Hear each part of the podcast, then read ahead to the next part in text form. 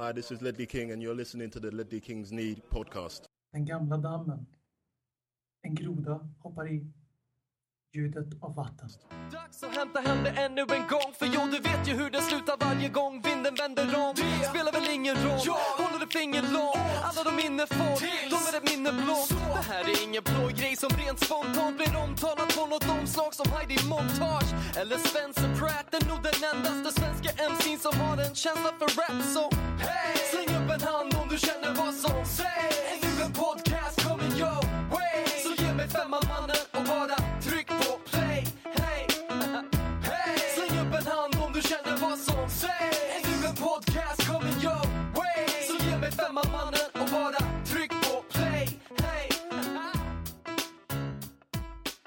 Hej och välkomna till säsong 3 avsnitt 16 av den omtalade podcasten Ledley Kings knä. Med, med mig har jag som vanligt skägget Dacke och eh, även som Messias nu i jultider Marcus Håkman. Välkommen tillbaks. Tack så mycket. Eh, Efter förra Lägg veckans... noga märke till att jag inte välkomnade Folin tillbaks. På. Nej, men det är alldeles riktigt. Eh, Vissa saker... Um...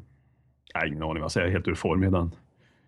Men vi... Ja. Vill du berätta för våra lyssnare varför du Varför jag inte var med? under förra Jag opererade min armbåge, snittade upp den och uh, skalade bort lite dålig vävnad. Eh, och så förhoppningsvis ska jag väl kunna träna sönder den igen på så jag får åka dit och göra en ny operation. Inte fan vet jag. om sex år då, eftersom du har fyra års väntetid? Ja, men ju äldre, ja precis, ju äldre man blir liksom, så, Desto snabbare- snabbare. desto snabbare kommer skadorna. Och eh, den intensiteten jag har på skador redan så kan jag ju...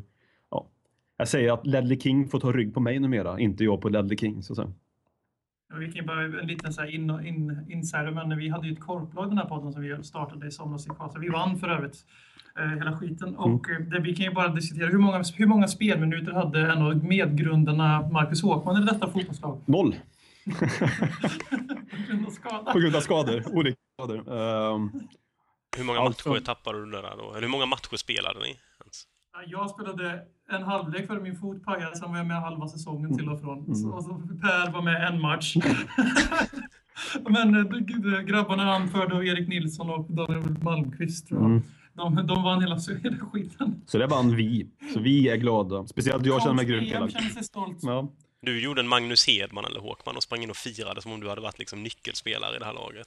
Jag tog pokalen, så jag knuffade undan dem som skulle ta en tog och kysste den. Sprang till bilen och åkte hem. Typ så. Ja. Fast lite värre. På tal om eh, Korpen, Mm. Glenn Palace, Mm. vad- och Erik Dyers insats framförallt. Mm, den var svettig. Det är väl också mest beroende för att det kanske inte riktigt är där han ska spela. Eh, på den där högerbacksplatsen. Och när han får möta fartfyllda yttrar. Som både Asi och eh, Panchen och eh, vem var det mer? Så, Zaha också, precis. Då blir det svettigt och jag, jag tyckte han har haft lite svårt på sista matcherna ute på sin högerkant. Den här matchen var ju... Ja, det var ju som Vlads match mot Besiktas och det var inte just Besiktas matchen, det var ju straffen då som kostade oss gruppsegern förmodligen. Eftersom vi inte riktigt vet. Men jo, vi utgår från att det är gruppsegern som torskar på det.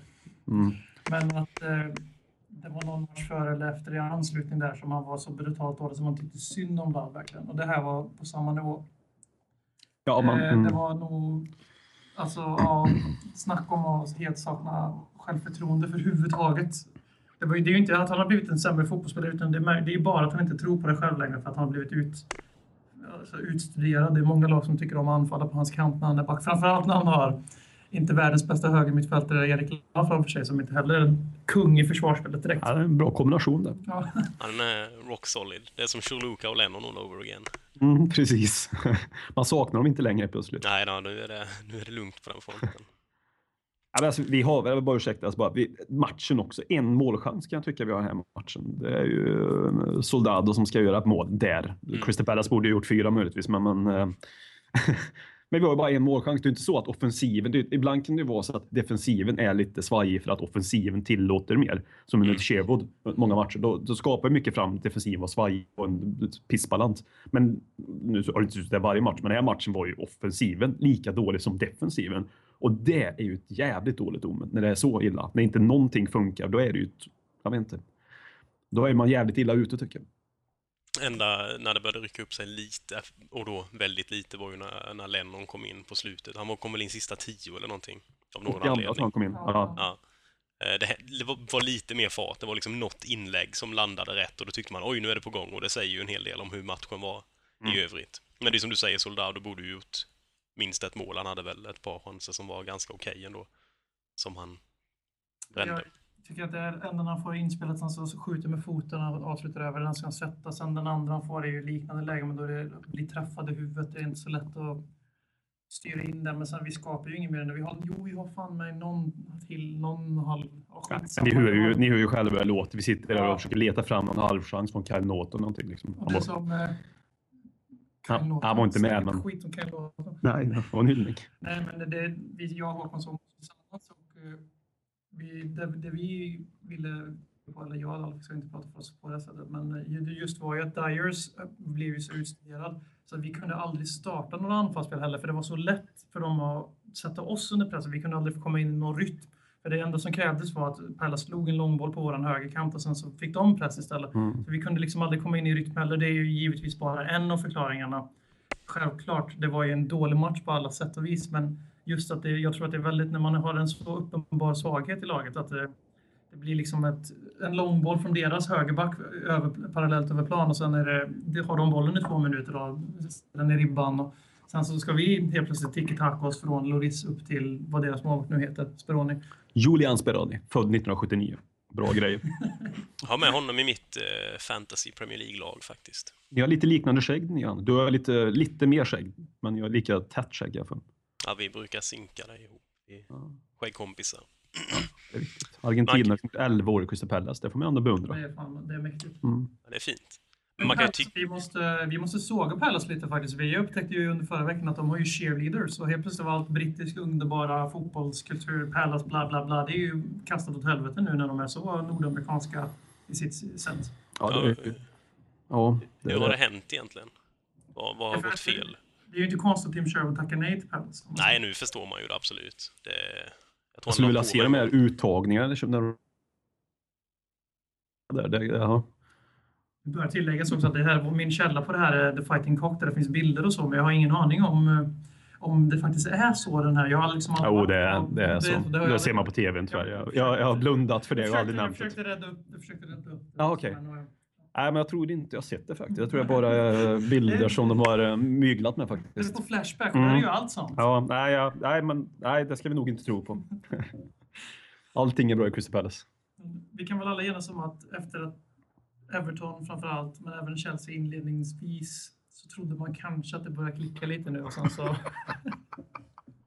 Fy fan vad vi griper efter halmstrån. Liksom. Men, Ja, det här sen, fem minuter mot Chelsea såg det riktigt bra ut. men nu kan vi alla enas om att det där var ett steg framåt, två steg bakåt i alla fall. Ja.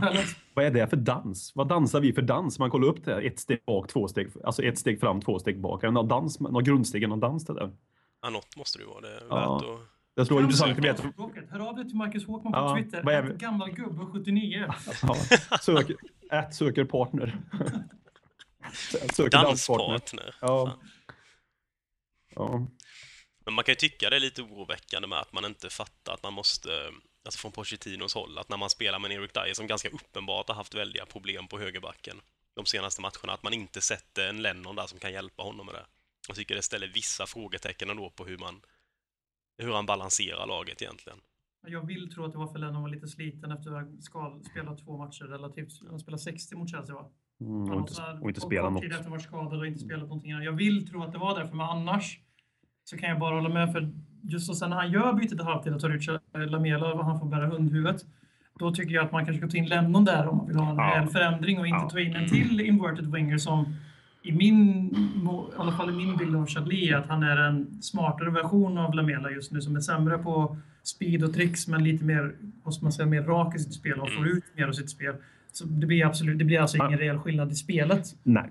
Alltså det är ju ingen kritik mot Chadli egentligen. Nej, där, utan det är en, alltså hur man liksom inte förändrar matchbilden för, för fem eller inte försöker ändra Så, så matchbilden. ett Fifa-byte man tar ut någon för att de är trött fast Ja. nu var det för ett, ett symboliskt byte. Liksom. Ja, väldigt konstigt byte och väldigt, väldigt, väldigt, väldigt, väldigt konstigt att han inte gör någonting åt högerkanten som du är inne på för din. Alltså att han tillåter Dyer spela där eller inte få mer hjälp defensivt under 90 minuter. För det är ju alltså, jag, sällan jag tyckte det var så uppenbart att man spelar på en enda kant motståndarlaget. Det är inte många anfall det var på högerkanten. Det är så roligt att säga heatmap. Eh, på, det finns säkert någon sån. Det är konstigt att det inte ligger ut någon sån. men Han måste ju vara helt illröd på, på vår högerkant. Va? Det var verkligen alltså, det var absurt. Det var ju nä- det var komiskt nästan. Ja, och jag förstår ju att de spelar på det sättet. Men då, ska, Nej, kör på. och då måste man ju gå in och göra ett byte. Då. Det är det som oroar mig. Han måste ju se där 36 000 på arenan bör se. Och där några gnällapor på TV, framför tvn ser också. Men i detta fallet kanske har rätt. Alltså vi ska ta bort eller göra någon förändring på högerkanten. För det, det är ju rysk roulette man kör med den här matchen. På det sättet. Alltså, för att man är negativ kring, kring detta Pochettino betyder ju inte att jag tycker han får sparken på något sätt. Inte det jag säger, men vad fan. Det här skötte han ju inte bra. Det är rätt sjukt att vi ska behöva, man ska behöva säga att man inte tycker att tränaren få sparken när man är kritisk Nej, efter men- ett halvår på ett femårskontrakt. Det känns man måste, en- säger man måste gå ut. Det känns så. Eller, ja, men det känns lite så. Fotbollen 2014 Ja, mycket det. kan vi säga. Mm. Och oss. Men eh, med den eh, briljanta matchen i åtanke så är det alltså, vi spelar mot Besiktas ikväll när vi spelar in. Vi, spelar, vi avsparkar om en timme ungefär. Mm. timme och 20 minuter. Och eh, där lämnas ju Eriksen, Vertongen och flertalet hemmar, så det är allt vi kommer säga om den matchen. Men Mm. att det är Swansea borta i helgen, grabbar. Det blir enkelt. Mm. Piece De har ju Dags en för Fertongen att göra mål igen kanske. Han gjorde väl det där borta under sin första säsong. Swansea har ju så dumt som en ung brittisk tränare så det måste ju vara en enkel match för oss. Ja, det är ju bara walk over them.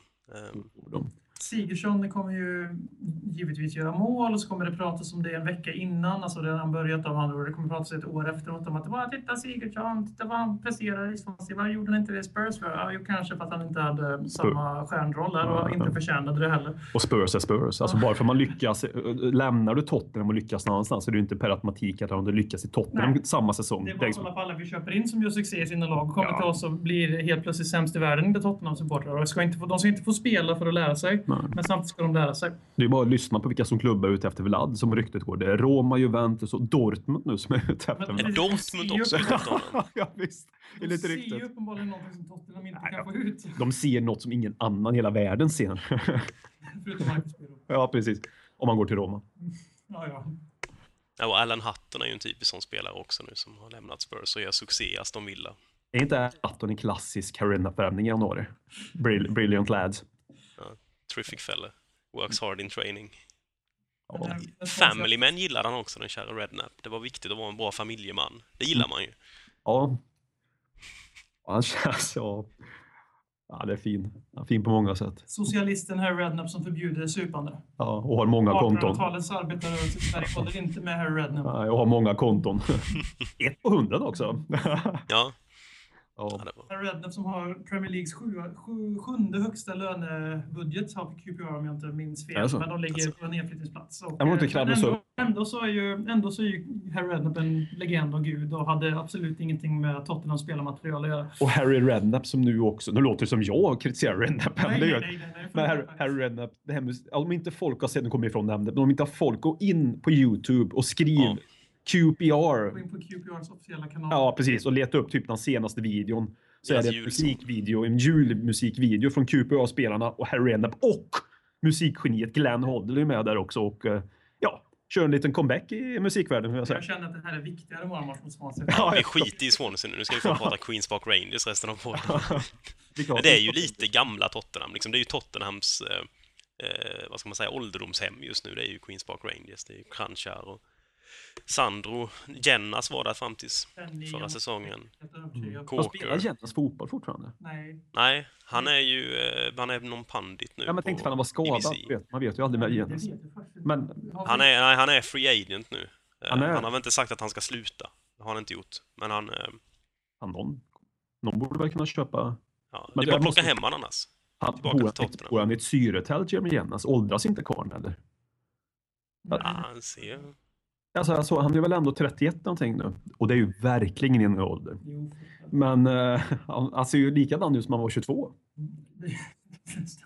Ja, men alltså, det var sjukt. Det är som Kenneth Andersson också. Han ser ju också ut som att när jag såg en sån här fyra dokumentär fick jag se Kenneth Andersson. Han är ju ändå född 60, mitt på 60-talet. Mm. Fick jag se, vad i helvete, det fanns ju inte ett streck på ansiktet liksom. Och han Man hade- säger så... Ravelli var inte heller åldersman. Han såg ut att vara 50. Ah, gamle Ravelli. Swansea, eller vad? Ja. Men det är så det, vi kan spekulera hur mycket vi vill. Det kommer bli en tuff match. Swansea är ett av de tio, eller vad tio tio, men från fjärde plats till tionde plats så kommer det vara tungt eller tufft Ja. i år. Så är det. Eller fem. Du, Eh, sätt dig lite närmare micken. Det hörs lite dåligt här tror jag. Topp fyra. Topp fyra är ju spikat. Mm. Så att det är mellan 5 till 10 är det hårt. Swansea är ett av de lagen. De är starka hemma. Vi är bättre borta. Det, Fy fan vilken analys. ja, men jag, alltså, Spot on. Det är ju värdesatt i alla fall. Det är en sån här typisk Viasat-analys. Med den analysen så är du för bra för Viasat. Jag kan ju bara säga att Tottenham är en förlust ifrån eh, krisen. Alltså Pochettino är ju ifrågasatt. Alltså, jag har ju mina källor i laget. Jag blev Kåmark stockholmare. Jag vet inte om han låter så i min öron. Ja. Eh, ja, nej men de... Jag måste säga, det är en spelare i Swansea som har verkligen imponerat på mig sen nyår. Det är ju Bonny mm, som ryktas iväg till Tottenham nu igen för 551 gången. Och vi kommer ju inte köpa han för han kommer ju kosta 25 miljoner pund någonting. Och så kommer han till oss och så blir jag... Typ. Ja men... Lite så känns det ju. Och så blir det en ny vända av ah, det är spelarens fel, allting är spelarens Mm. fel. Och sen när han byter till ett lag med 30 mål i United på 15 matcher. Så skulle vi, så, fel, så, skulle vi, så skulle vi haft kvar. Nej, men det ryktas ju en del om honom, Wilfred Bonny. Sen, älskar ehm. Mm. Sen, sen hur, hur realistiskt det är att få honom. Jag tror säkert han skulle vara intresserad av att gå till Tottenham. eh, För att bo i Swansea kan ju inte vara någon jävla höjdare. Alltså. Kan jag tänka mig. Jag har sett en dokumentär om Swansea för några år sedan och jävlar. Det var inte så att jag ville eh, ta flygplanet och åka dit, inte för att jag har ett flygplan. Men ja. Men eh, Swansea kommer väl från en hyfsad överkörning av West Ham. Om 3-1.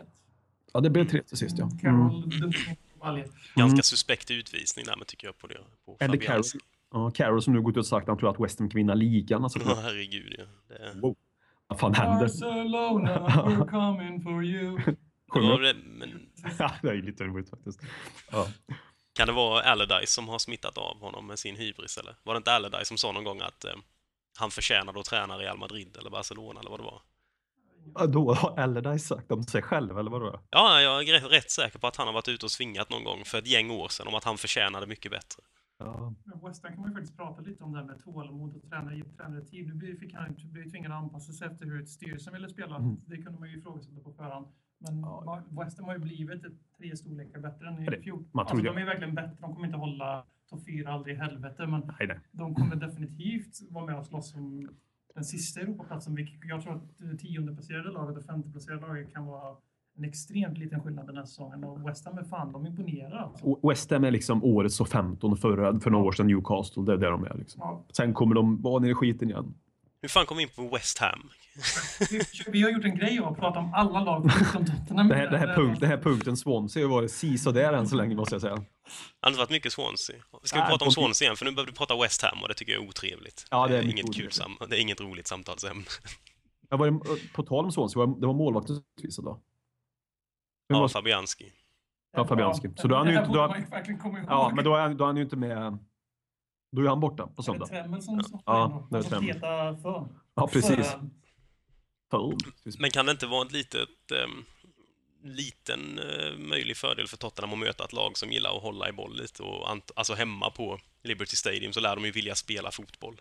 Ehm, lagen vi har slagit i år så är det ju West Ham, eh, det är Southampton, det är Everton, det är lag som inte ställer den där förbannade jävla bussen som vi aldrig någonsin hittar det förbannade jävla låset till. Mm. Vi är sämst i världen på att lära oss att lära upp motståndarförsvar alltså. Mm. Men nu möter vi ett lag som kommer vilja spela fotboll och det brukar faktiskt passa oss rätt så bra. Och vår bortastatistik i år har ju varit jävligt fin.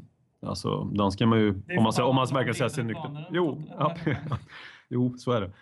Vi är sjända för att använda bredden så förbannat. Ja. Nej, men det ska man ju liksom inte underskatta att vi har varit jävligt statistiskt sett bra på bortaplan. Sen kan man ju fråga om man alltid tyckte det varit så bra spelmässigt som vinst mot Aston Villa egentligen. Men jag tror vi har chanser till att vinna det här. Det känns som en... På, på, nej, jag är inte positiv, men den här matchen känns ju på förhand som att vi kan avgöra som sten, sax, påse innan. Så, han känns så extremt oviss. 1, kryss 2. Helgardering på den här.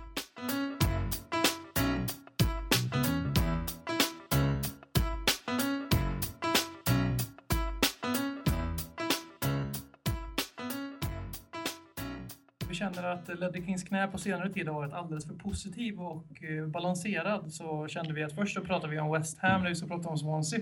Och sen så för att balansera ut den här optimismen som sprider sig runt Tottenham just nu så ska vi prata om vilket lag underpresterar mest i Premier League. Och då har jag alltså valt ut kandidaterna och de nominerade är Tottenham Hotspur, Arsenal någonting, jag vet inte vad de har för förkortning, Kants typ, Manchester United, eller 3 miljardersbygget och Liverpool, Brandon Rogers FC och så Everton. Och vi kan börja med att du får, Robert Folin du får motivera vilka av de här som eh, motiverar varför ett av de här fem lagen har underpresterats mest och varför då givetvis. Um, jag skulle väl säga att det står mellan Arsenal och Liverpool. Um, måste jag välja så får jag nog ändå ta... uh alltså, Liverpool har ju tapp, tappat det, det var ju uppenbart redan förra säsongen att Suarez var o- oerhört bärande för dem. Och att nu att Sturridge är skadad också så... Och det är ju ett helt ihop, nytt ihopkomponerat lag han ska försöka få ihop till stora delar. Fan, jag har hört det här förut känner jag. Ja, jag undrar vad det är. Men, men å andra sidan är det ju så att om man har spenderat över 100 miljoner pund så borde man man ju vinna ligan. ligan. Ja. Eller åka ut mot Basel i Champions League eller vad det nu är. Man kan Ja, inte ens på straffar. Nej, sopa. I, inte ens i slutspelet. Nej, men eh, Liverpools eh, eh, problem de har stött på mot Basel till trots så tycker jag väl ändå att Arsenal kanske är den klubben som Alltså sett till vad de har investerat de senaste åren ändå. Det känns som de har ju dumpat den här gamla Wenger-filosofin om att bara handla eh, 14-åriga fransmän. Eh, och sen sälja dem till Barcelona och faktiskt köpt in färdiga spelare och två, tre säsonger i år i alla fall har de ju köpt in alltså riktig, alltså världsklasskvalitet nästan. Eh, och det är ju fortfarande samma gamla Arsenal, eller det är Arsenal som har varit de senaste nästan tio åren. Att de spelar okej ibland, men det blir aldrig mycket mer än en fjärde plats. Just nu ligger de ju alltså två poäng för eh, fiasko Tottenham som för sjunde gången i rad startar om på ny kula och så- vidare och så vidare och aldrig spenderar mer än, en- alltså, än vad vi säljer mer eller mindre. Mm. Perspektiv. Så är det. Eh, men eh, vad fan, det är, ju det här, det är svårt. Everton tycker jag absolut inte platsar bra de här. Eh, min personliga åsikt. Men största fiaskot, alltså för mig, för mig är det ju tre lag. Det är ju vårt lag, det är Arsenal och Liverpool. Sen beror det på hur man ser på det. Det går ju att se det på tusen olika sätt. Som jag ser på det. Och en av de aspekterna man har sett lagen spela. Nu ligger Arsenal två poäng före oss. Spelmässigt så tycker jag att de ligger mer än två poäng före oss. Men då kan man säga att man räknar poäng och inte, man får inte poäng för att man spelar lite bättre. Ehm, sen är det Liverpool som jag sett också en del i år. De har varit nästan minst lika idéfattiga som oss framåt. Ehm, så där ser jag ingen skillnad. Ehm, men sett till vilka, hur klubben ska kunna liksom växa och ha möjligheter och har arenastorleken och vilka de har köpt in, alltså klara stjärnor, så tycker jag Arsenal är det största fiaskot. Sett till vad deras förväntningsgrad ligger på säsongen också. Deras förväntningsgrad säger mycket in i detta, det är att vara utmanad om titeln. Jag kan tänka mig det. Jag har inte hört någonting officiellt från Arsenal om var de vill ligga. Och nu har de som, som Folin sa här, börjat köpa in Özil och sen Sanchez. Det är Ja, ingen snack. Det är det är, liksom, det är var- världsklass. Där- I fjol var det Özil som var laget hela hösten och vintern. Och sen så Mm. Och- ja, han och- ute i år är ju Sanchez ännu tydligare. Och sen blev ju vissa spelare bättre i Özils. Det blev någon, eh, de, fler blommade ut. Det blev en Ja. positiv trend och Ramsey var en av dem till exempel. Sen kan man ju tycka, alltså, fias, fiaskot även i Arsenal, det är ju där, som jag tycker fiaskot i Tottenham. Det är inte, man har ju investerat pengar, men man har investerat fel. Så att säga. Bortförklaringen Ehm. bara direkt som mot. De, de har ju massa skador. Men Jo, men det har de ju alltid och det beror ju också på någonting. Alltså som vi också genom historiskt sett haft mycket skador. Det kan man inte skylla ifrån sig. Alltså man, kan ju, man kan ju se det som en ursäkt om det händer en gång var femte år, att det är en tillfällighet. Liksom, ja, vi vet inte riktigt vad det beror på. Men det har ju, fan, Arsenal har ju haft mycket skador i ja, 15 år känns det som. Och då kan man inte skylla på det längre. Då beror det ju på någonting i, deras träningsupplägg. Då är det någonting de gör fel som jag ser det. Eh, och samma sak, och Liverpool kan jag förstå att det går dåligt. Även om de spelar dåligt så är det ju så, alltså Suarez, de har en Bale-säsong. Liksom. Själva. Sturridge. Mm, Ja, men de, har, de har ju tappat och så 50-60 mål nästan än så länge nu. Som Sturridge går runt och är skadad hela tiden också. Och Suarez är borta. och då- blir inte yngre heller. Nej, och lika väl som vi sa innan att med Özil där så lyfte sig spelarna. Och det är väl samma sak där. När två av de här, deras klart tydligaste stjärnor, så, så blir ju Sterling lite sämre. Henderson blir lite sämre. Gerard har blivit betydligt sämre. Alltså det blir en negativ spiral åt andra hållet. Alltså där dock brasklappen är ju att de har investerat fiasko. Om våra sju värvningar var fiasko där nästan ingen kom. Jag tror, var det ens någon som kom från Premier League av våra värvningar? Nej, det var ingen alls. Nej, och nästan alla deras värvningar kommer från Premier League-lag och ska därmed vara anpassade till ligan och så. Och de gör ändå exakt lika stort fiasko som oss. Ja, det tycker jag Så det, alltså, jag, jag pratar om vårt fjolår nu, men även i år då givetvis. Mm. Och vi kommer ju från en femte plats den säsongen. De kommer ju från en titelutmaning förra Ja. säsongen. Precis. Mm. Så att det, det, är liksom, det, det är lite det som var poängen med den här punk- punkten var att lyfta fram lite hur löjlig Viasat-studions eh, bias mot Tottenham är. Det var lite så här K-mark, fuck you en gång till. Men, Men- jag skulle bara... Eller hade du mer att säga om Arsenal? Nej, jag tänkte prata om det här med att de hackar på Tottenham nu och det gör de ju mycket nu. Det är är min upplevelse också. Vi har satt. Men för några år sedan så var det liksom trender i sånt där också känns det som. För tre, fyra år sedan när vi har satt fick över rättigheterna. Eh, och vi var, det var väl Jag som, hoppas inte du passionerat och viftar med armarna nu för det. Ja. Alltså, var, eh, Eh, ja, det är inte de andra som ser kan se detta nu. Eh, nej, men de eh, pratade ju då om när, i början med Tottenham. Då kändes vi som var poplaget i alla släppar. Hur fantastiskt det var att se Tottenham med fart. Fotboll. Alltså, allting vi gjorde var bra. Det var bara positivt med Tottenham i tre år nästan, det kände jag. Och det var även positivt. Sen som, försvann Redknapp. Och det kom en ny era. Sen dess har det blivit lite annat ljud i källan de senaste åren. Och det, nu kvittar det, även om vi ligger på samma misslyckande nivå som Liverpool.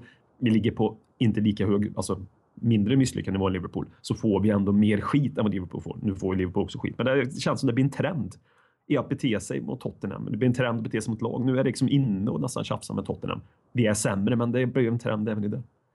Lum- Alltså luddig förklaring, men jag tror sånt spelar roll. Liksom. Man blir påverkad av De folk runt omkring sig. för att ta ner dig helt enkelt. Ja, Jag vill ju lyfta Manchester United som jag tycker kommer alldeles för billigt undan i alla diskussioner bara för att de nu har halkat upp på en tredje eller fjärde plats kanske efter West Ham. tredje tror jag. Men eh, då, det, de tar in en av världens bästa tränare som har fått ett jävla uppsving de senaste åren efter att faktiskt varit ganska väg på, ner, på väg neråt innan det. De värvar för hur mycket pengar som helst till ett lag som vann ligan, alltså året innan, för ett och ett halvt år sedan ungefär. De vann ligan. Och de har pungat in två miljarder i ett lag för att ta ett lag som vann ligan. Och sen hade de David Moyes, det blev en kaossäsong. Så jävla mycket sämre kan inte ett lag bli och, i sådana fall så ska Ferguson få ännu mer, alltså han, han måste lyftas upp ännu mer än vad han gör. Och jag tycker att United har liksom, det finns, ingenting, det finns inget förutom en seriös titelutmaning som är godkänt den här säsongen för dem med de pengarna de pungar ut. Och sen att de inte köpte några backar, det att de köpte sju vänsterbackar och åtta anfallare för de miljarder. Så för mig de, där är det samma sak. Åh, vi har så mycket skador, får spela med 12-åringar i backlinjen. Ja, men det är för att ni inte vet hur ni ska investera. Alltså, de bärs också fram av först Di Maria och sen så har Rooney och nu Van Persie klickade i lite.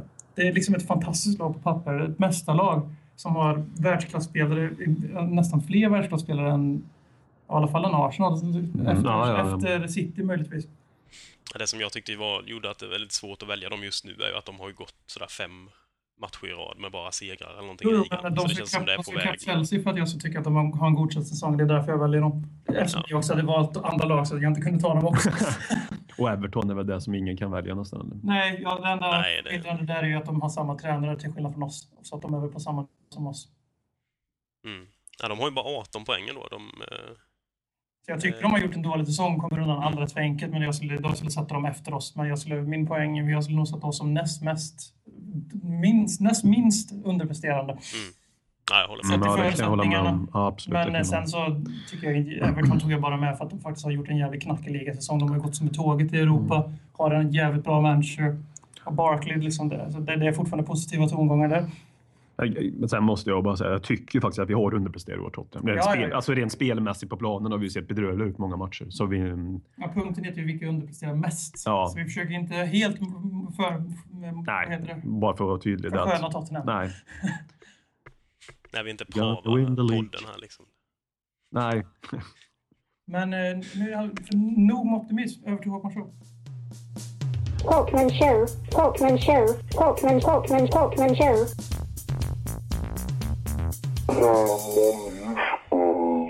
Detta vill jag tillgänga till Kyle Walker. You are my sunshine, my only sunshine.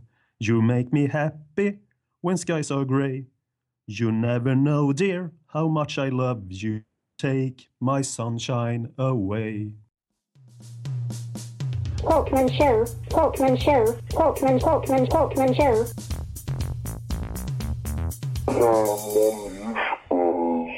Efter att Marcus Håkman sjungit en lovsång till Kyle Walker. Ni som har lyssnat på podden sedan vi grundades för eh, tio decennier sedan vet hur stort det är.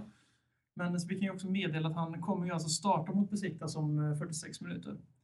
Men eh, nog om Kyle Walker och så över till Kuppenham som jag så klyftigt kallar segmentet. Mm. Snart jobbar du för Aftonbladet tror jag med de här ordvitsarna. Ja, precis. Robert Folin, vad betyder kuppspel för dig 2014-15? Gärna jämfört med de senaste åren också. Eh, jag är alltid glad i kupperna eh, och den här säsongen blir man väl det än mer med tanke på ja, positionen i ligan. Föga stor chans att det ska hända något intressant i ligaspelet. Så också liksom traditionellt sett så vi, har ju, vi kallar ju oss själva ett kupplag av någon märklig anledning kan man tycka nu, eh, men historiskt sett så har vi varit det. Eh, Så alla kupper är viktiga. Och mot Newcastle menar jag, vi har ju revansch att utkräva där också. Mm. Håkman, du har varit med längre. Vad, cup, vad betyder kuppspel för dig? Två troféer för mig personligen. Eh, FA-cupen 91, eh, ligacupen 2008. Mm. Ligacupen 2008, finalen 2009. Mm. Final 2001 också tror jag. Eh, nej, och sen ligacupen 98 också. Eller 99, förlåt mig. 99, så är det tre troféer jag är som är ute och cyklar. Jag glömmer bort Allan, All, Allan, Nilsens, Allan Nilsens avgörande i, på övertid mot Leicester.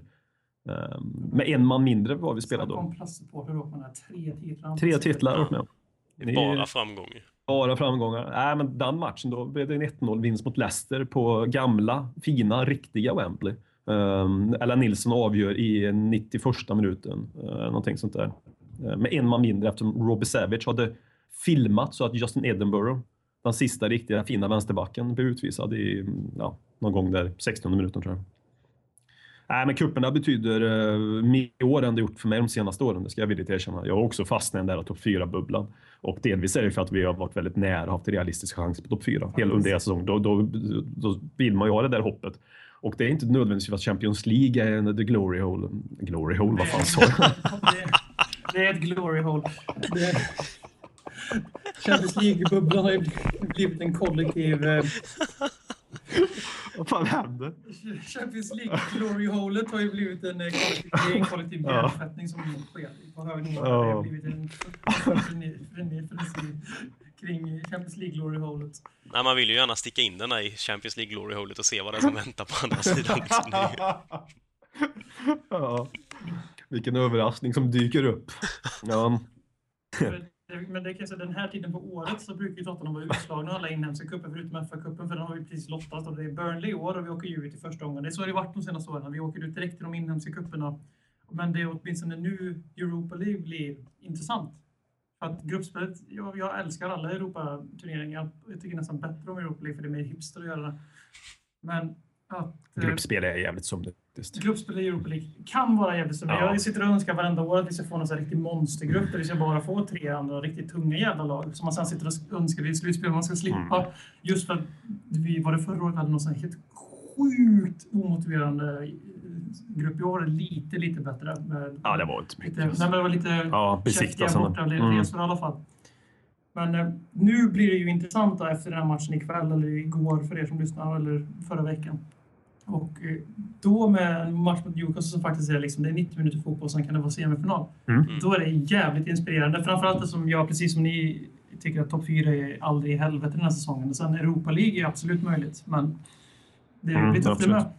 Ja, men visst, det var sällan. Det- Det ska bli skönt. Jag ser verkligen fram emot någonstans match, för jag känner verkligen redan nu att jag börjar få en puls inför den här matchen. Mm. Ja, att det kommer vara en match. Större än Besiktas-matchen om man säger så. Ja, jo, en aning. Men den matchen som är idag, inte att vi pratar om den, men jag, vi behöver inte prata om matchen i sig, men jag tror det kan vara bra för oss att vinna gruppen. För att det, Ja. det är väl en fördel i nästa lottning, så att säga. Och ändå vinna gruppen. spelar hemmaplan i andra Ja, exakt. Och någon form av sidningsfördel bör det väl kanske vara. Ehm, så jag menar, jag hoppas ju... ehm, sen Newcastle. Men det, det, jag, tror, jag tror också, alltså vi har pratat mycket om stämning på White Lane. Jag tror också att supporten överlag känner att cupen i år har större betydelse. Och stämningen på onsdag, är det va? Vi spelar? Är det tisdag vi spelar mot Newcastle? De där. 17 där onsdag. Jag tror att stämningen på Newcastle kommer vara fin, fin faktiskt. Det kommer vara en elektrisk stämning på White Hart Lane utifrån de förutsättningar vi har på White Hart Lane och engelsk fotboll. Så kommer det vara jävligt bra stämning och ja, det kommer kännas i luften. Ja, det finns ju just möjlighet för det på den matchen också, just med tanke på att biljettpriserna är billigare på cupmatcherna och det är en kvällsmatch. Mm. Det brukar ju bli fin, fina matcher där då. Det har man ju märkt i vissa Europa League-matcher i år. Då har det i och för sig varit där 1882-rörelsen som har varit där. Eh, Men det har ju varit ett, alltså verkligen markant skillnad på stämningen på cupmatcherna och ligamatcherna. Eh, Och sen minns man ju från eh, de, de åren när vi har varit i semifinal i ligacupen och FA-cupen. Det är ju stora matcher man verkligen ser fram emot. Man är ju riktigt taggad inför dem. Och det vill man ju ha igen. Ja, jo, men man var ju taggad inför matchen. Efter Ja. matchen var man inte så taggad på någonting kanske. Förutom... Eh, Nej, men jag, får, jag ska sluta avbryta det nu. Jag har ingen aning om vad jag skulle ta vägen, så du kan ju fortsätta på vad det var du skulle säga. Du blev, du blev så självmordsbenägen. Jag påminner om din självmordsbenägenhet så att du glömde bort vad du skulle Mm. säga. Ja, men det är ju de här... Cup Nights at White Hart Lane. Mm, det är något fint med dem alltså. Och nu när... Ja, som jag sa tidigare, jag tror att kuppen för de flesta supportrarna är viktig år för att de flesta inser nog att topp fyra inte är speciellt realistiskt. Och då sätter man ju också ett annat värde på kupperna och eh, ja, och viktigt att få vinna någonting också. Inte för att det är ju inte speciellt bortskämda med, även om ni kallar mig för Glory Hunter. Fan, skulle, vi, skulle vi ta ligacupen så skulle det vara ju, alltså då skulle det, det skulle betyda exakt, exakt lika mycket som Europa League i, in terms of status. Alltså inte vinna Europa League utan Nej, nej, komma, nej. nej för helvete. Jag Jag är tänkte väl. hela. Nej, nej. Nej, det jag menar var att som vi skulle komma sexa och komma tillbaka in i Europa League då. För att eh, sen är det väl också så att de Man får ju en Europa League-plats om man vinner ligacupen med, så det är ju... skulle Mm. garantera, skulle garantera Europaspelarna så skulle släppa pressen ännu mer över vårt lag nu som vi skulle kunna spela när jag var 20-åringar resten av säsongen. Snittålder 21,6. Fyra. Ja, eller hur var det nu med det där trasiga 19,3. Excel-arket? Ehm, och sen är det ju också, om man tänker tillbaka på ehm, många av de säsongerna som man pratar om nu lite nos- nostalgiskt när vi vann uh, ligacuper och FA-cuper, så var det ju ofta ganska dåliga lig, alltså serieinsatser vi gjorde. Men det minns man ju inte nu. Man sitter ju bara och pratar om, ah, tänk på 70 80-talet när vi vann kupperna. Och, och liksom man, man eh, skapar någon slags eh, ehm, 2008. Extremt tydlig som. Ja, men som där ha- hade man Woodgate som är en spelare som man minns därifrån och man har ju andra historiska spelare som Ardiles och eh, Hazard och alla de som vann kupper på 70 80-talet som man minns. Man minns ju inte dem för vad de gjorde i ligaspelet, det är ju kupperna som man minns dem för. Alltså till viss del. Det är ju därför de har blivit så stora, tror jag, som de har blivit. De vann grejen. Det är som är precis som en titel betyder så jävla mycket. Men det behöver bara komma fem år fram i tiden så betyder titeln mer än ligaspelet. Mm. Men just där och då så är det, tappar nog många glädjen väldigt fort. Och bara nu, nu fjärdeplatsen, fjärdeplatsen, fjärdeplatsen. Ja, men det, det var ju inte den uh, hysterin. Fotbollsvärlden såg ju annorlunda ut Nej, nej, nej. också. man alltså, jag, jag tänker på titeln för sex år sedan. Att nu ser Mm. man, åh, den titeln Woodgate är liksom. Och sen eh, just där och då, 2009-10, så var det ju Champions League, Champions League, Champions League. Mm, men nu, bara lite utrymme i tiden, så är, då är det titeln man kommer ihåg. Och så kommer det förmodligen vara, jag tror jag har mycket svårt att tro att, när vi, att vi kommer sitta som 80-åringar sen och Håkman 90-åring då. Jag är död Så- innan jag är 80. Så det behöver inte vara orolig. Så kommer, vi, så kommer vi inte sitta där och bara, kommer ni ihåg den säsongen när vi blev femma grabbar och spelade så bra fotboll? Utan det kommer vara, så kommer ihåg när vi vann ligacupen 2015 efter 8-0 i finalen mot, okej 8-0 är klart som fan vi kommer komma 1-0 i finalen mot eh, Bournemouth. Mm. Det var tider. Mm, Det var tid 8-0 mot... Bournemouth är ju kvar mot Liverpool. Eh, ska vi prata om den här matchen nu eller?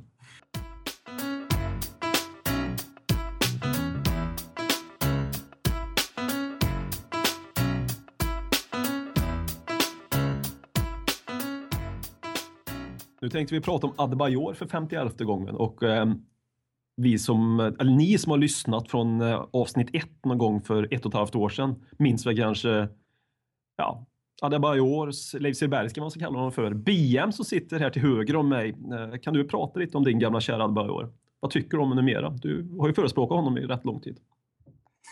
Lägg ut texten. Eh, eh, Det finns ju på band detta också. Så det, Allting går tillbaka till den tid då Adebayors själv, självuppoffrande spelstil för AVBs Tottenham gjorde Gareth Bale till en bättre fotbollsspelare än vad han, jag trodde att han var då. Tills jag fattade att Gareth Bale var så bra helt själv. Mm. Men sen så visade Adebayor sitt sanna ansikte. Först under AVB och nu vill jag inte säga för mycket om vad som hände här under Porsche för det kan vara någonting psykiskt. Det kan vara någonting riktigt allvarligt. Alltså, vi kan ju börja med att säga att han har alltså fått lämna truppen helt enkelt Mm. och åka hem för privata skäl och det har ju byggts upp hela säsongen. Men eh, cynikern i mig tror jag att han igen har satt sig på pottan med, med inte med AVB, med Porch. För att det för honom passar det att prestera för en viss typ av tränare och när den tränaren inte är hans egna lojala undersåte då kommer den sanna Adebayor fram. Och jag är rätt så less på honom nu, men jag reserverar mig för att det kan vara någonting allvarligt den här gången. För att Ja. vara lite PK. Ja, jo, men så kan det vara. Men utifrån... Ja. Jojo! ja. Men får vi se Adebayor i Tottenham nu? Vad tror ni? Nej. Ja, jo, jag tror han är tillbaka i någon gång i januari. Tillbaka i fin, fin form. När han har drivit ut vodon ur kroppen. Det är väl där han ska väl ner och, och, och göra upp med familjen kan jag tänka mig. Det Det måste ju vara någonting, alltså släppa iväg. Vi har alltså två anfallare i truppen nu. En är Roberto Slado som har gjort sju ligamål på 100 matcher. Mm. En är Harry Kane som aldrig... som har gjort 700 ligamål på sju matcher. Ja. liksom, det räcker med att Kane trampar snett på träningen imorgon så då står vi där med Roberto Slado en, enbart. Då kan vi aldrig försöka slänga in två anfallare. Det blir liksom, får Dyer gå upp och spela handfallare. Och eh, det, är liksom, det måste ju vara någonting riktigt, riktigt, riktigt. Och så, jag har svårt att se det alltså. Jag, jag, jag spontant tror jag att det bara handlar om att uh, Adebayor har fått så jävla mycket chanser tror jag hos Livi som har trott på honom. Det har varit en stor investering. Typ valt honom för en Ja, exakt. Det tror jag. Och jag tror inte han har betett sig så mycket värre nu än någon annan gång. Men nu har helt- han har tröttnat på det helt enkelt. Det är det jag tror. Och eh, Pochettino, han valde Pochettino framför Adebayor. Han valde tränaren framför Adebayor den gången. Och ja, vi ser resultatet där, här och nu. Han Det, det är det jag tror. Han var ju alltså, han var ju alltså skadad enligt Poch- Pochettino ända fram till i torsdags eller när, i onsdags igår Mm. när uttalandet kom. Att han, klubben sa ju inget mer än att han kommer sticka. Mm. Det, är, det är privat, vet inte mer så. Men Ja, det var- fram till dess så Pochettino körde partilinjen att han var skadad och det var ju... Mm. Jag såg det här på Twitter, såg jag en nyhet. Jag vet inte vart såg du? använder inte Twitter längre så mycket, BM, eller ingenting alls. Och Eh, ja, det är vissa andra kända människor som också gjort så, som Marcus Birro också.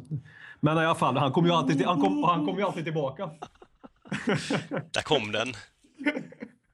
Jag fick min byråslev. Oj, oj, oj. Nej, i alla fall. Från ingenting. Eh, vad fan man skulle komma på. Du såg du tweeten som la ut Tottenham om detta?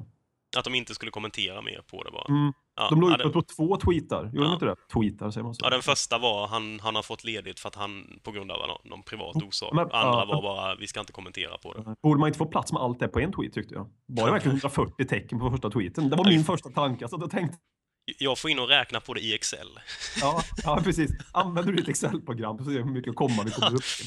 Men eh, en, en fråga det här leder till, som vi, om vi släpper att vi vill Mm. reservera oss för att det kan ju faktiskt vara någonting, det är helt omöjligt. Det, han har ju haft det rätt så kämpigt ibland.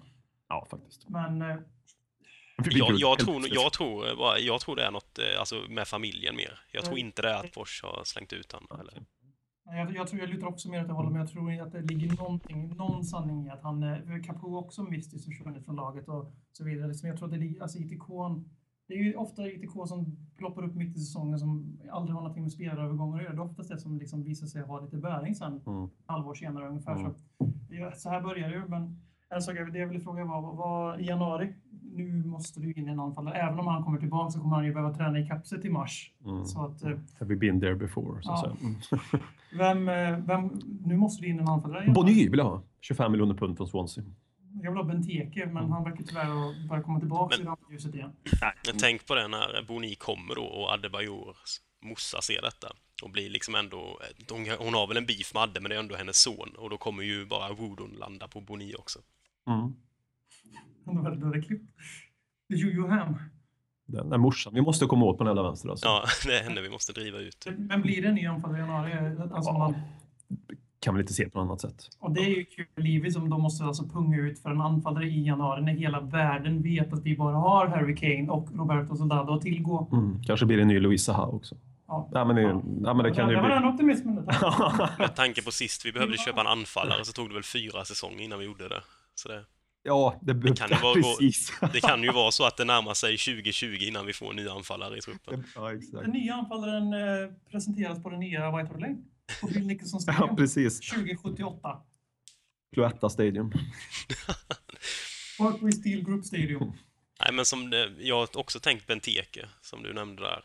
Men det är väl också det där att han är väl lite, lite på väg tillbaka. Det var jävligt kukigt för annars hade vi kunnat kanske eventuellt få loss honom. Ja, det kändes ju som att där hade det ju, folk hade ju börjat tvivla på honom. Eh, Och där vet man att det finns ju mycket, mycket, alltså, vad ska man säga, råtalang i honom. Men, Eh, Mm. som, man, som kanske skulle kunna kommit loss i Spurs. Men eh, som sagt, nu det, priset lär ju gå upp där också.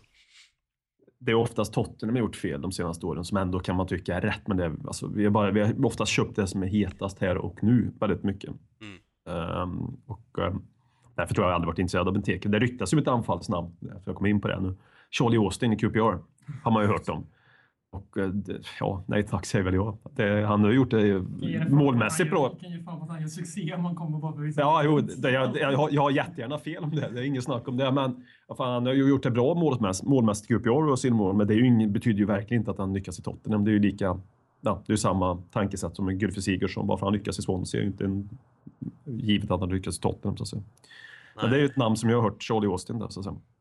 Nej, jag tror med det. Jag gillar ju Austin, eh, men ja, jag vet Ja, det- inte om det är Han är riktigt rätt- det vi behöver. Han har en väldigt tråkig alltså, skadehistorik också. Nu kostar han väl för mycket på grund av att han har varit rätt så het. Och engelsman. Ja. Men en sån grej skulle ju vara annars att någon, den dignitet, av den digniteten, alltså en lite vassare, så har, nu var så här rätt så bra vissa gånger faktiskt. Mm. Men att det är förmodligen rimligast. För var, alltså, varför inte satsa på Harry Kane? Kan inte han få säsongen ut? Ja, springa som första anfallare. Ja, om inte så att han tar tillbaka platsen genom att spotta in mål. Alltså, jag tycker men de... varför inte bara ta in Nej. en tredje anfallare istället? Nu Mm. satt jag och skrek efter Benteke för tre minuter sedan, men, Men du, du är flexibel, jag gillar det. men det är ju Birro i mig. Pragmatisk. Nej, men ben, alltså, får man möjlighet att värva en spelare som Benteke och man ser att det finns en öppning att köpa honom för 15 miljoner pund, någonting, då, ska man, ta- då ska man ju ta den chansen oavsett. Men jag ser ingen panik att vi måste gå in och köpa någon jättedyr historia här. När vi har Kane och Soldado. Jag tycker det räcker. Plocka hem Peter Crouch igen. Ja, men han sitter i QPR när vi köper Charlie Austin. Så. Jag läste en riktig Ja. stats som om tydligen han gjorde han bara sju ligamål mer än vad Soldado har gjort på typ 47 ligamatcher med för Spurs. Vem då? Alltså Crouch. Mhm. Fast jag, jag läste på ett forum så det är ingen faktakoll på den, men jag var oj. Eller Jag, jag som tyckte att Crouch gjorde rätt mycket mål tyckte jag. Ja, jag tyckte också. Jag får verifiera det i mitt Excel-ark. Mm. Ja, det är du som... Men eh, vi släpper Adebayor där. då. Forever.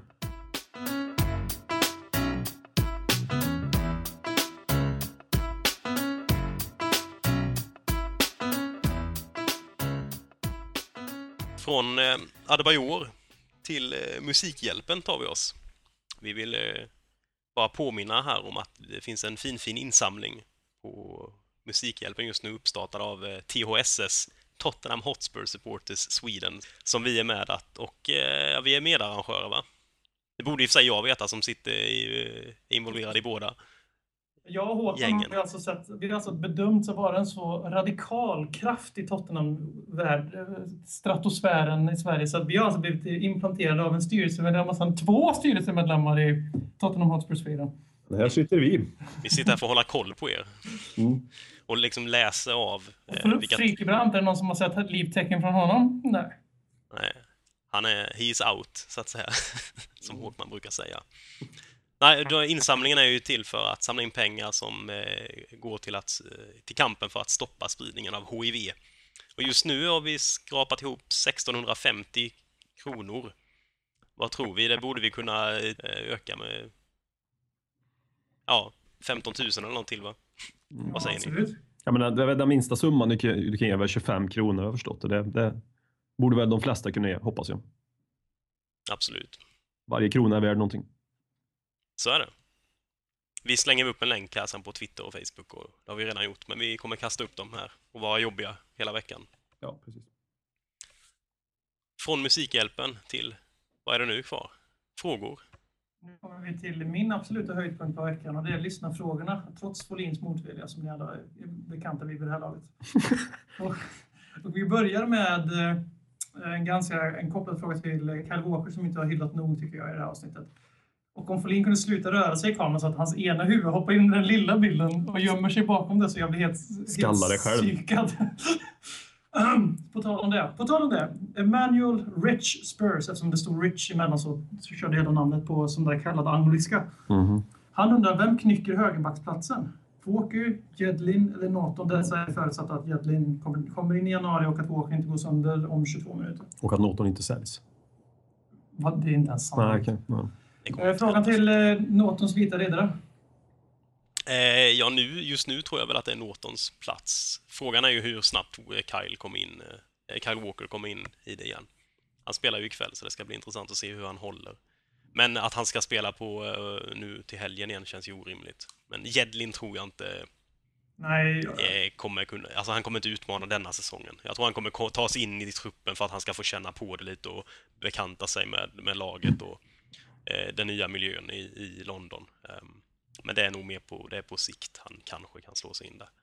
Eh, det är ju ett visst kliv att gå från MLS till Premier League får man väl säga. Så jag tror Norton ehm, inom en, den närmsta framtiden i alla fall. Eh, Mats Viking vill att vi ska vältra oss i lyckoruset över att vi har fler akademilirare i A-truppen som dessutom får starta matcher.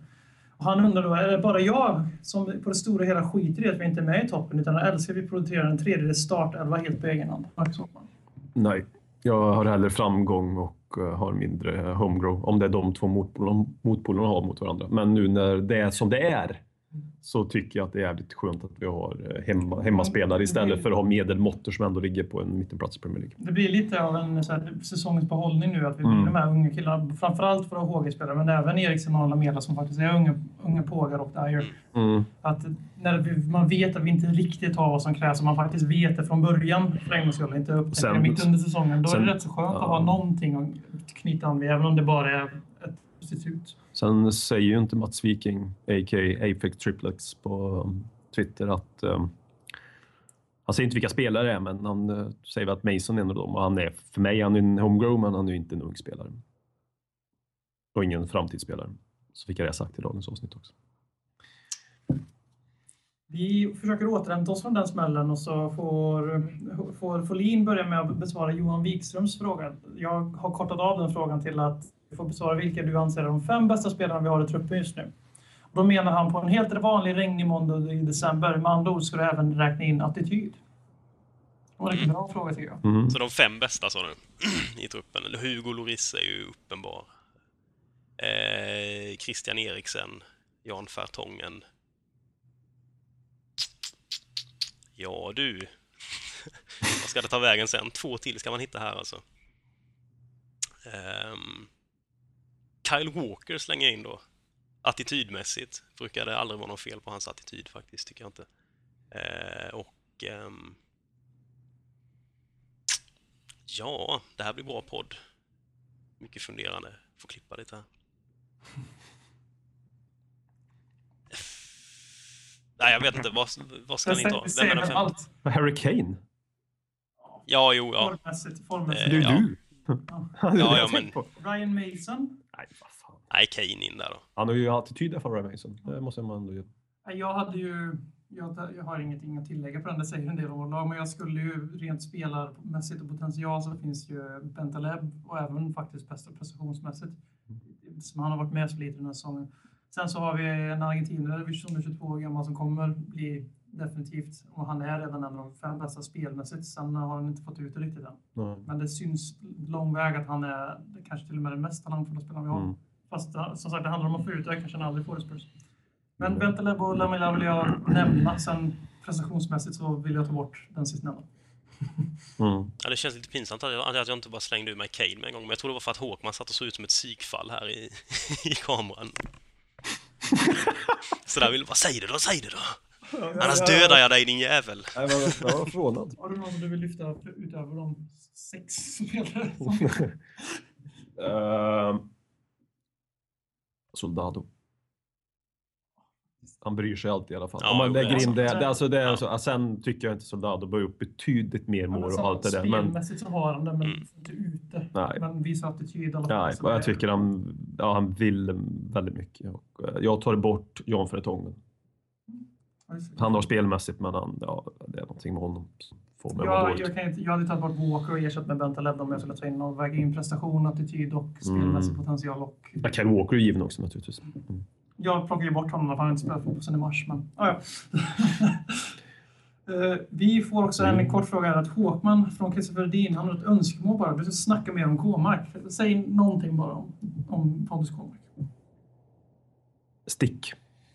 Så, då har vi uppfyllt en eh, julklappsönskning här i december månad.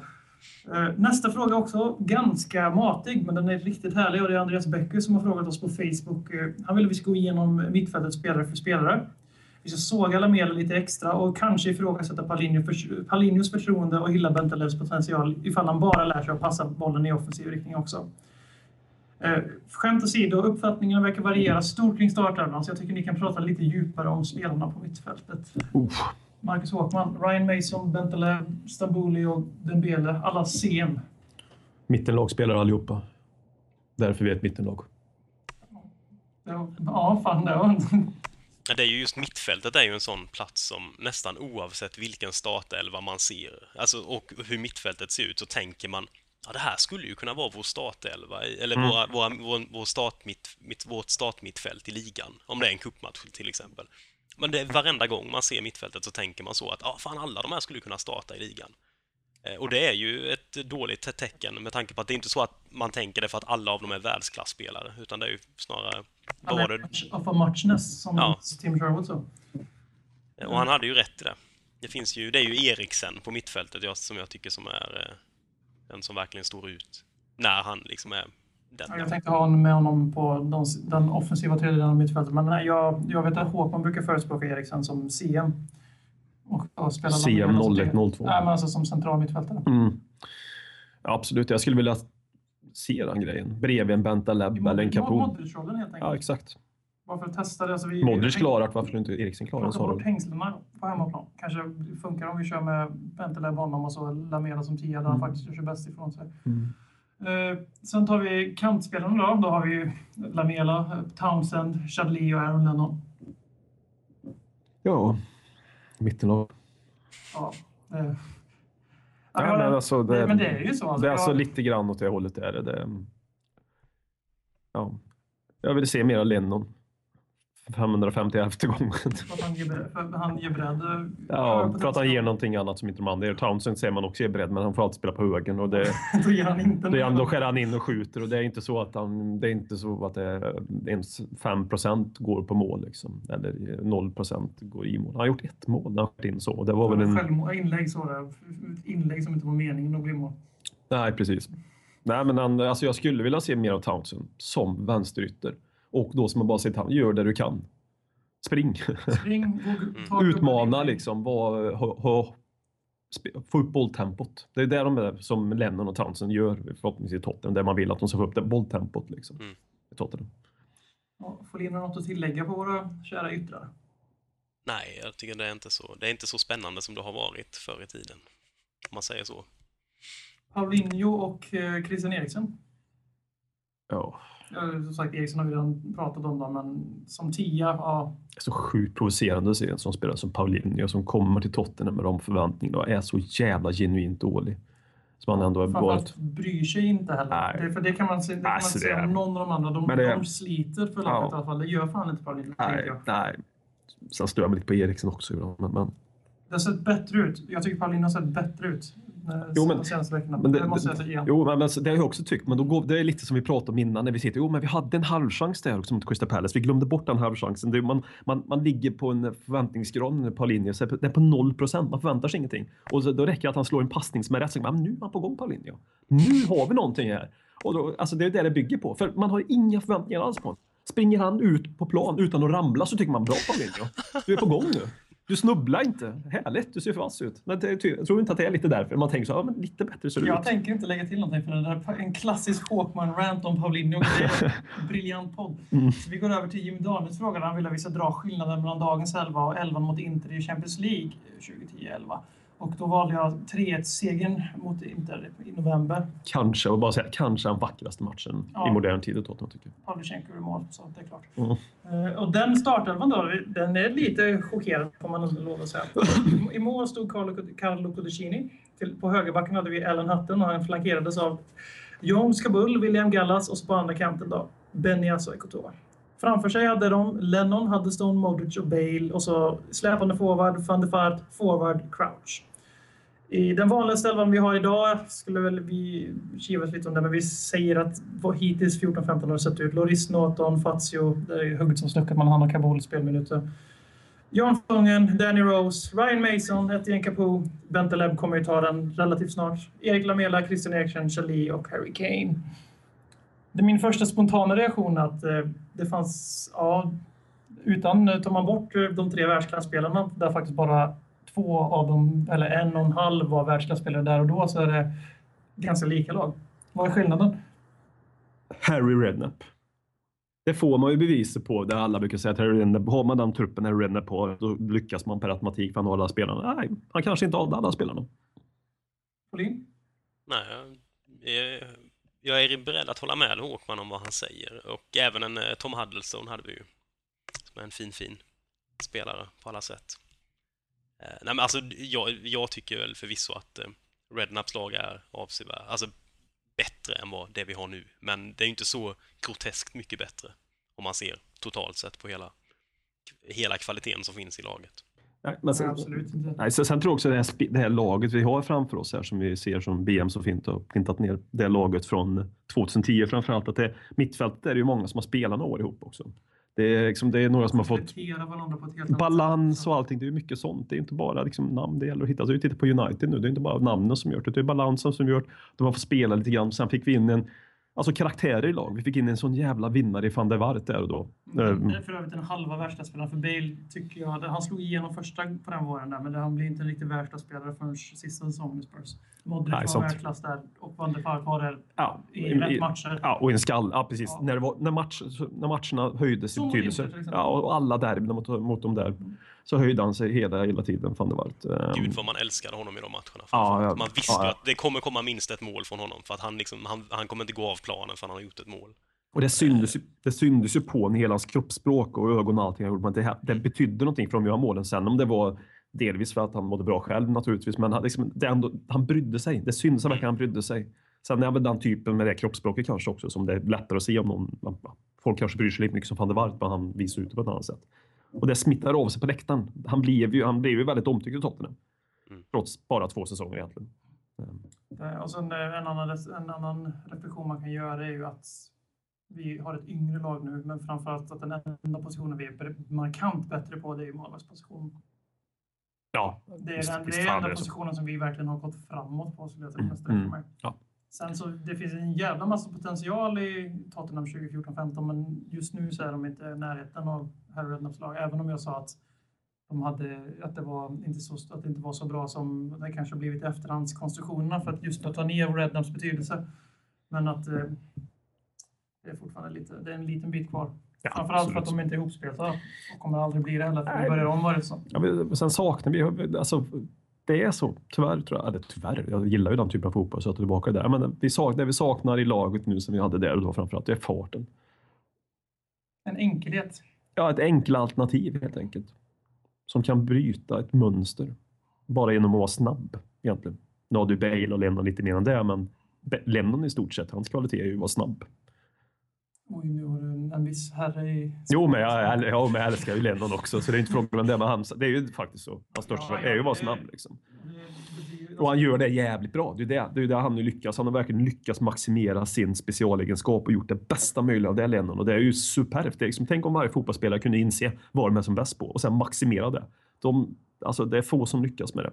Ja, men Lamela är ju ett sånt klassiskt exempel.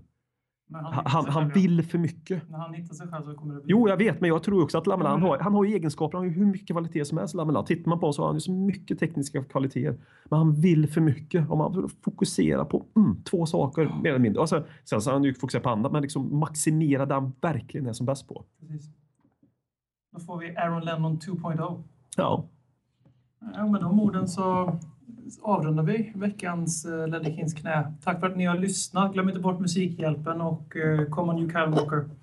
Dags att hämta hem det ännu en gång För jo, du vet ju hur det slutar varje gång vinden vänder om Det spelar väl ingen roll, du finger långt Alla de minne får, de är ett minne blått. Det här är ingen blå grej som rent spontant blir omtalat på något omslag som Heidi Montage Eller Spencer Pratt, är nog den endaste svenska MC'n som har en känsla för rap Så hey! släng upp en hand om du känner vad som sägs. Är en podcast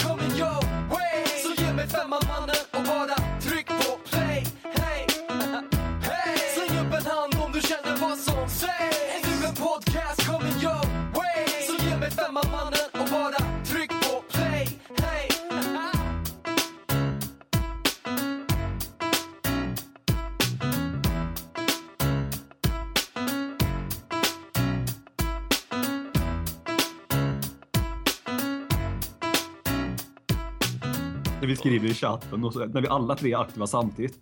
Så skriver jag drrrt, ser det, så är det 14 nya medlemmar så sitter jag Fan jag har tryckt fel någonstans. Så jag suddar och så blir jag stressad. Och så när jag svarar på det meddelandet då har ni bytt samtalsämne.